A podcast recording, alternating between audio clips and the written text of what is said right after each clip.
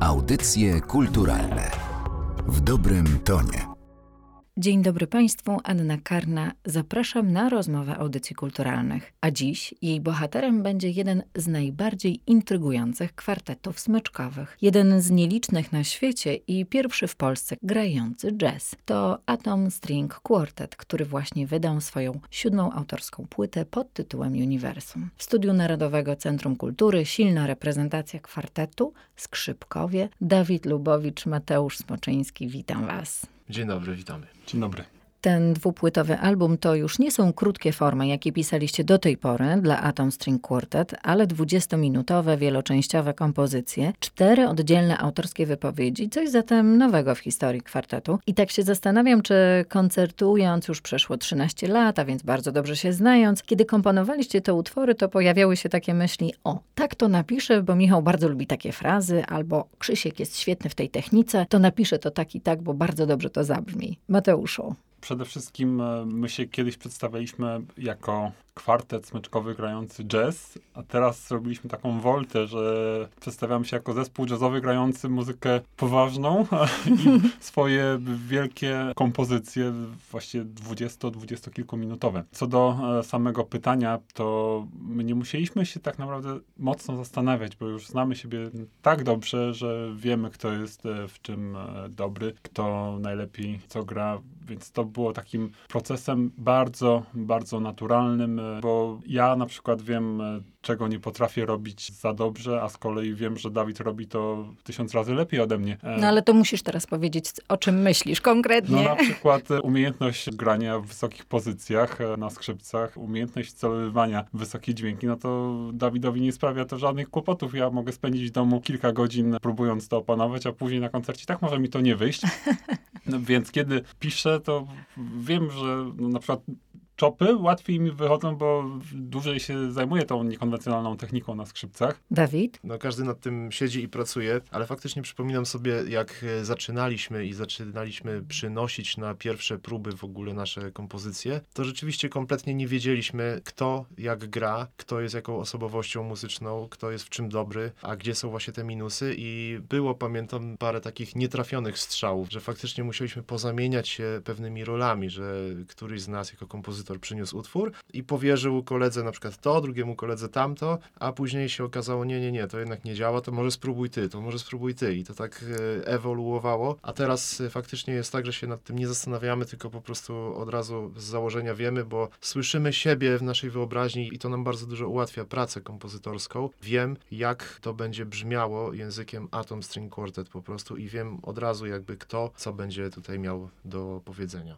nie zależało wam na opowiedzeniu jednej historii, a raczej na opowiedzeniu o swojej wrażliwości, o indywidualnych poszukiwaniach muzycznych, to uniwersum waszych inspiracji jest bardzo różne. Jest e, parę wspólnych mianowników w tym wszystkim. To, że chcieliśmy pisać te większe formy, to jest pierwsza rzecz, którą sobie ustaliliśmy. Drugą rzeczą jest to, że chcieliśmy pójść właśnie w stronę bliższą muzyce poważnej. Trzecia rzecz jest taka, że wiedzieliśmy, że zachowamy to, co najważniejsze dla Atom String Quartet, czyli tą improwizację. Zbierając te trzy rzeczy, resztę sobie zostawiliśmy dowolną i każdy opowiedział inną historię. Ja opowiedziałem głównie dramatyczną historię Warszawy, miasta, w którym się wychowałem, gdzie się urodziłem prowadziłem. Krzysiek Lęczowski na przykład przedstawił Atlas Motyli, ponieważ ma młodą córkę, która akurat się motylami interesowała i to było taką historią, którą Krzysztof chciał przedstawić. Dawid tutaj opowiadał o kosmosie. Każdy z nas miał jakiś inny pomysł na utwór. Myślę, że dzięki temu płyta jest bardziej kolorowa, chociaż jest y, chyba najbardziej spójną płytą mimo wszystko z naszego całego dorobku, ponieważ teraz to jest jakaś ciągła historia, przynajmniej przez 20 parę minut. Powiedz Dawidzie, kiedy komponowałeś atomizację, bo tak nazywa się twój utwór, patrzyłeś w niebo i zadawałeś sobie pytania. Tak, zadawałem sobie pytania na które tak naprawdę nigdy w życiu nie znajdziemy odpowiedzi. Można powiedzieć, że moja kompozycja też niejako ma taką narrację dramatyczną, ponieważ ja opowiadam w niej o wszechświecie, na który w zasadzie nie mamy wpływu, ponieważ nam się może wydawać coś tutaj na Ziemi, że mamy wpływ, ale ostatecznie to i tak wszechświat decyduje o tym, co tu się jakby zadzieje, no bo my nie jesteśmy pępkiem świata, my jesteśmy jakąś po prostu, nie wiem, ziarnkiem piasku we wszechświecie i to jest, można powiedzieć, dramatyczne i takie trochę smutne, że i tak czeka czeka nas jakiś tam los kiedyś, y, o którym po prostu wszechświat zadecyduje. A czy pisałem patrząc y, w niebo? Pamiętam, że dość długo, bo chyba z 6 godzin longiem pisałem y, tę kompozycję lecąc w samolocie, kiedy wracaliśmy chyba z Nowego Jorku do Warszawy, właśnie z Atomem i wtedy rzeczywiście patrzyłem w niebo, bo to był lot nocny. No i wiadomo, wiele jakby skojarzeń, faktycznie widziałem te gwiazdy i to mnie, można powiedzieć, troszeczkę inspirowało. Ale ja jeszcze chciałem dodać a propos tego własnego pisania. Jako kompozytorzy mamy po prostu świetną okazję do tego, żeby wyrażać siebie, wyrażać jakby swoje wnętrze i właśnie w takich dłuższych utworach to jest nawet lepsze, bo mamy możliwość trochę pokontemplować jakby w tych utworach, dzięki temu, że one są dłuższe. Tutaj mamy większą swobodę i możemy bardziej po prostu wyrazić siebie, to co myślimy. Mateuszu, wrócę do twoich obrazków z Warszawy, bo jak powiedziałeś, w tym mieście się urodziłeś, tu mieszkasz, tu tworzysz i opowiadasz tam rzeczywiście dużo dramatycznej historii. Zastanawiam się, czy takie utwory są dla kompozytora wyzwaniem emocjonalnym. Dla mnie każdy utwór jest wyzwaniem emocjonalnym z różnych względów. Przede wszystkim ja bardzo lubię ciężką muzykę. To jest coś takiego, co zawsze mnie pociągało. Ciężka sztuka, ciężki rodzaj kultury bardzo mnie pociąga. Czy to mówimy o właśnie muzyce, czy o filmie, czy o teatrze. Nigdy nie lubiłem błahych rzeczy i te tematy dramatyczne są z punktu widzenia twórcy takiego przynajmniej jak ja, bardziej pociągające. I wiedziałem, że pisząc obrazki z Warszawy, ze względu na historię miasta, będą to głównie dramatyczne historie. Jeśli się wczytamy albo pochodzimy po ulicach Warszawy, no to zobaczymy tych dramatycznych miejsc naprawdę mnóstwo. Więc ta muzyka, którą napisałem w obrazkach z Warszawy, z tego względu jest naprawdę ciężka, ale mam nadzieję, że będzie się podobać i że też e, jakieś wzruszenia Państwu przyniesie. Ona jest bardzo skupiająca, o tak powiem. Takie było moje wrażenie, że tego się nie słucha pijąc kawę, w to trzeba po prostu wejść. Tego nie da się słuchać właśnie przy okazji śniadania, bo jest to chyba zbyt absorbujące. Ja też e, od kilku lat e, jestem wielkim fanem twórczości Johna Adamsa, który pokazał mi w jaki sposób można pisać kwaśną muzykę i wydaje mi się, że ten utwór nawiązuje do tego stylu Johna Adamsa i całość jest bardzo kwaśna, więc ten utwór nie będzie dobrą przyprawą do śniadania, ostrzegam. Ale powiedz, proszę wyjaśnij, bo może nie wszyscy tak doskonale znają tę twórczość. Co oznacza termin kwaśnej muzyki? Dla mnie to jest coś takiego, że John Adams stosując nawet e, często prostą harmonię, proste akordy durowe, molowe, dołącza do tego atonalne melodie, które jakoś wydają się, że zupełnie do tych akordów nie pasują, ale później jak się spojrzy z szerszej perspektywy, to się okazuje, że to jednak świetnie działa i ja często opowiadam taką historię, kiedy po raz pierwszy w życiu natknąłem się na twórczość e, Johna Adamsa. Jechałem sobie samochodem, ktoś puścił w dwójce Knife and Sentimental Music e, i pamiętam, kiedy słyszałem pierwszych parę akordów i melodię we flecie, nie wiedziałem, co się dzieje. Znaczy, zastanawiałem się, czy ja zaraz roztrzaskam to radio, z którego to leci, czy jednak e, mnie to tak pochłonęło, że będę cały czas słuchać. Znaczy, wiedziałem jedno, że obcuję z jakimś zupełnie nowym kolorem w muzyce i to jest tak, jakbym pierwszy raz w życiu jadł cytrynę. To jest taki zupełnie nowy smak, e, z którym się nie spotkałem i pamiętam, że nie wiedziałem, czy to mi się podoba, czy to mnie irytuje, czy to mi się bardzo nie podoba, ale wszystkie włosy na mojej głowie stanęły dęba. Wiedziałem, że jest to zupełnie nowe odczucie i właśnie od tego momentu zmieniło się diametralnie moje życie, bo zacząłem szukać tych kolorów, tych smaków i właśnie obrazki z Warszawy są jednym z utworów, które powstały z wielkiej inspiracji muzyką tego wspaniałego minimalisty Johna Adamsa. Dawidzie, a ty też masz na koncie takie właśnie olśnienia, o których Mateusz opowiadał? Ja w zasadzie do muzyki takiej stylu minimal i muzyki repetytywnej dojrzałem trochę później. Rzeczywiście rzeczywiście w, grając w Atom String Quartet. Wcześniej mnie jednak bardziej interesowali wielcy kompozytorzy romantyczni, a w zasadzie neoromantyczni, bo też są tacy, których bardzo lubię, a których po prostu nie znoszę w romantyzmie. A zdradzisz od razu, żeby było trochę sensacji? No, Będziemy mieli tytuł podcastu. Lubię po prostu kompozytorów, którzy umieli pisać oczywiście ładne melodie, ale niosące ze sobą bardzo duży ładunek emocjonalny. Mam tu na myśli, nie wiem, Rachmaninowa czy Czajkowskiego, a na przykład y, nigdy nie lubiłem grać Schuberta. Muszę się przyznać, że po prostu no, No tak było. No, uwielbiałem grać e, z, z wcześniejszych oczywiście na Sebastiana Bacha, gdzie cały czas po prostu możemy to odkrywać na nowo, tą muzykę. A z muzyki repetytywnej to w zasadzie trochę też e, Mateusz wniósł do kwartetu tą twórczość Johna Adamsa i faktycznie zacząłem trochę tego słuchać. Wcześniej oczywiście też się inspirowałem Wojciechem Kilarem, który też często stosował w zasadzie tą technikę, tylko w oparciu o bardziej muzykę, no nie wiem, czy romantyczną, bardziej melodyjną, o, może, może to jest dobre stwierdzenie. A też w zasadzie twórczość Krzysztofa Pendereckiego wywarła na nas jako kwartecie duży wpływ i, i też zaczęliśmy w pewnym sensie stosować, może nie w kompozycjach, a bardziej w improwizacjach naszych, takich otwartych, to, czego nauczyliśmy się od Krzysztofa Pendereckiego, nagrywając album z jego muzyką w, w naszych interpretacjach. Nie powiedzieliśmy jeszcze, o jakich pasjach opowiada Michał Zaborski na tym siódmym albumie. Bolero Zabora, tak o tym mówimy. Bolero Zabora, tak. No Michał... Ile e, ma wspólnego z bolerem Ravela? On, on faktycznie nawiązuje nawet, znaczy nie, że cytuję, tylko nawiązuje mocno do bolera Ravela. Jeśli chodzi o rytmikę, o ten charakterystyczny dla bolera, ten rytm, jest to słyszalne w jego utworze, aczkolwiek jego kompozycja bardziej przeobraża się w coś takiego chwilami atonalnego i bardziej, można powiedzieć, heavy metalowego e, w porównaniu do, do, do Ravela. Ja to tak odbieram. Bolero Zabora, czyli Michała Zaborskiego, składa się z trzech części. Właśnie pierwsza część to jest Bolero, druga jest to taki oddech pomiędzy kolejną częścią, która właśnie jest bardziej heavy metalowa i jest tam sporo miejsca na jakąś e, improwizację. Cieszę się, że Michał dał mi w pierwszej części naprawdę ogromną przestrzeń do improwizacji i pierwsze co powiedział, nie improwizuj jazzowo, spróbuj zbliżyć się bardziej w stronę muzyki Johna Adamsa, o którym już przed chwilą wspominałem, albo poszukajmy innych kolorów bliższych muzyce współczesnej, klasycznej. Bo rzeczywiście w tych utworach zbliżacie się do muzyki klasycznej, czyli do środowiska wam naturalnego, ale jak podkreślasz, ta improwizacja miała ogromne znaczenie. Czy to jest właśnie ten utwór? Michała daje największe możliwości improwizacji dla was?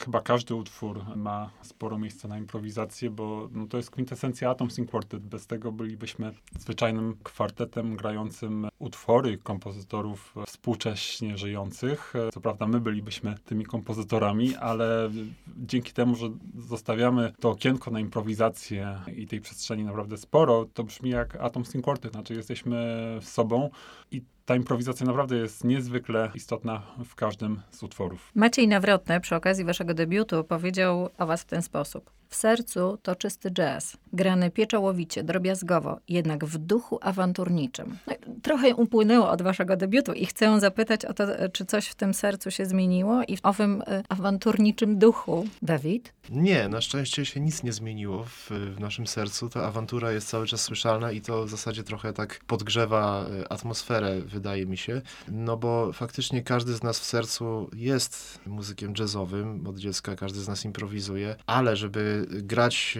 dobrze, poprawnie na tych instrumentach, mam tu na myśli skrzypce, altówkę, wiolonczele, no potrzeba naprawdę wielu, wielu lat edukacji, żeby obsługiwać te instrumenty tak jak należy. Dlatego każdy z nas przebrnął przez całą pełną edukację klasyczną, będąc w duchu muzykiem i klasycznym, i jazzowym, ale też nie tylko, no bo muzyka jest, to jest tak szerokie pojęcie, że jeszcze, nie wiem, trochę folku w nas drzemie. Jeszcze wracając troszkę do utworu Michała, to Michał charakteryzuje się w ogóle tym, że potrafi pisać utwory, można można powiedzieć, takie folk metalowe, takie bardzo mocne granie z miejscem oczywiście na improwizację, jak również takie tak zwane wolne części, które zawsze y, obrazują jakąś przestrzeń, jakąś łąkę, jakąś pustynię, jakąś prerię, jakiś oddech i takie są też jego tytuły, jego utworów. I druga część tej kompozycji, jego R, dokładnie właśnie jest też czymś takim, że mamy czas po prostu odetchnąć, pokontemplować, po czym przychodzi trzecia część, gdzie jest znowu, mówiąc kolokwialnie, naparzanka. Wrócę do tych wielkich kompozytorów, o których dosłownie kropelkę powiedziałeś, ale rzeczywiście na swoich albumach interpretujecie twórczość i Witolda Lutosławskiego, i Krzysztofa Pendereckiego właśnie, i Zbigniewa Zajferta, i Mieczysława Karłowicza, i Karola Szymanowskiego, czy Mikołaja Góreckiego. I zastanawiam się, czy moglibyście powiedzieć o którymś z tych y, kompozytorów, bo przecież to jest wielkie dziedzictwo polskiej muzyki.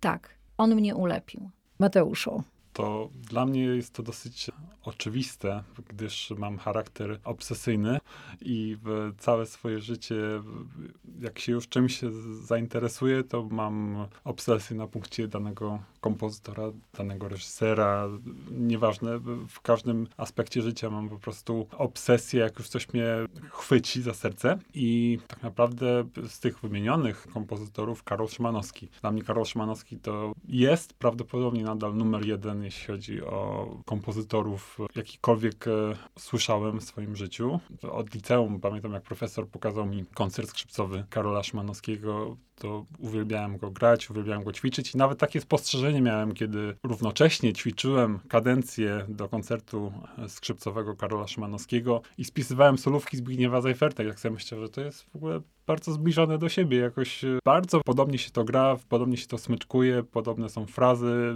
podobnie używają pentatonik, e, które tam występują. Więc e, jeśli chodzi o mnie, to zdecydowanie Karol Szymanowski, ale ja bardzo szeroko się interesuję muzyką. Przed Szymanowskim był oczywiście John Coltrane, Zbigniew Seifert. Po z kolei Karolu Szymanowskim też przyszedł czas na Check is the Machine, czyli trochę mocniejsze brzmienia. Później oczywiście John Adams, teraz Thomas Ades, jest taki angielski wspaniały kompozytor.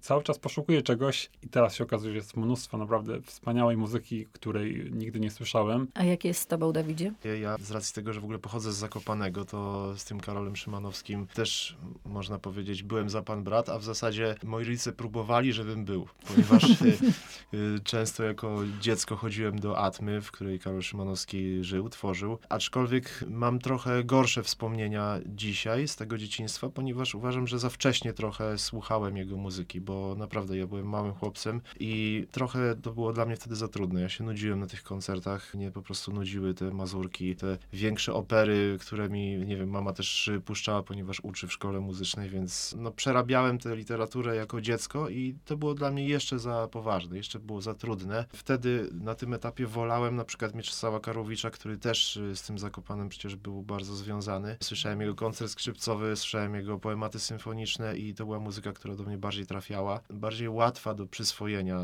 dla takiego małego dziecka. Oczywiście słuchałem Wojciecha Kilara, czyli ludzi, którzy związani byli z tym regionem Podhala. Też oczywiście wychowałem się na Paganinim, bo zawsze miałem takie założenie jakby, żeby to, co już robię, jeżeli wchodzę, nie wiem, w jakiś instrument, tak jak w przypadku skrzypiec, to chciałem zawsze dążyć gdzieś do perfekcji i byłem dość takim dziwnym dzieckiem, że lubiłem ćwiczyć i, i nawet rodzice już mi kazali przestać po paru godzinach, y, żebym sobie odpoczął. I faktycznie jak się dzisiaj patrzy na młodych ludzi, no to raczej częściej trzeba ich właśnie mobilizować do tego, żeby ćwiczyli. No u mnie jakoś to było odwrotnie. W każdym razie na pewno ci kompozytorzy wymienieni mnie ukształtowali, na pewno Paganini, no i to, co zawsze uwielbiałem, grać po prostu wielkie koncerty skrzypcowe, które później i w liceum i na studiach przerabiałem właśnie Brahms, Karłowicz, Głazunow, Czajkowski, to było to. A Szymanowski uważam, że to jest no, genialny kompozytor, który faktycznie nawiązuje mocno do, do jazzmenów. Gdyby on dzisiaj żył, to prawdopodobnie grałby muzykę jazzową. Kiedy ruszacie na koncerty z waszym uniwersum?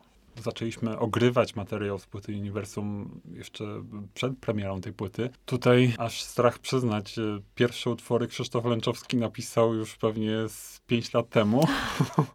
Krzysiek jest, że tak powiem, prymusem, jeśli chodzi o komponowanie. On zawsze ma pierwszy napisane utwory. Trochę gorzej sytuacja wygląda z Michałem Zaborskim i ze mną, bo ja zawsze piszę na ostatni moment. My tworzyliśmy te utwory przez e, dłuższy okres zaczęliśmy ogrywać te utwory na wcześniejszych koncertach, oczywiście nie w całości. Teraz szykuje się nam trochę koncertów, gdzie zagramy wyłącznie program z płyty Uniwersum. Więcej koncertów już na jesień przyszłego roku, chociaż startujemy już wiosną i latem. 24 lutego gramy w Szczecinie, też utwory nasze, aczkolwiek nie z płyty Uniwersum. To taka tylko szybka dygresja, my po prostu byliśmy przez półtora roku tak zwanym artystą rezydentem w Filharmonii w Szczecinie. No i zostaliśmy zaproszeni do takiego koncertu wspólnych rezydentów z różnych lat i też musieliśmy stworzyć kompozycję właśnie na ten wyjątkowy koncert. Zobaczymy, bo sami jesteśmy podekscytowani, co z tego wyjdzie, bo mamy się spotkać na chyba jednej próbie i później na scenie i każdy przynosi coś swojego do grania dla innych, plus orkiestra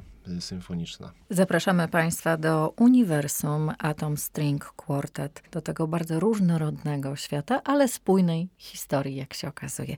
Gośćmi audycji kulturalnych była połowa składu kwartetu, czyli skrzypkowie Mateusz Smoczyński i Dawid Lubowicz. Bardzo Wam dziękuję za to spotkanie. Bardzo dziękujemy. Dziękujemy.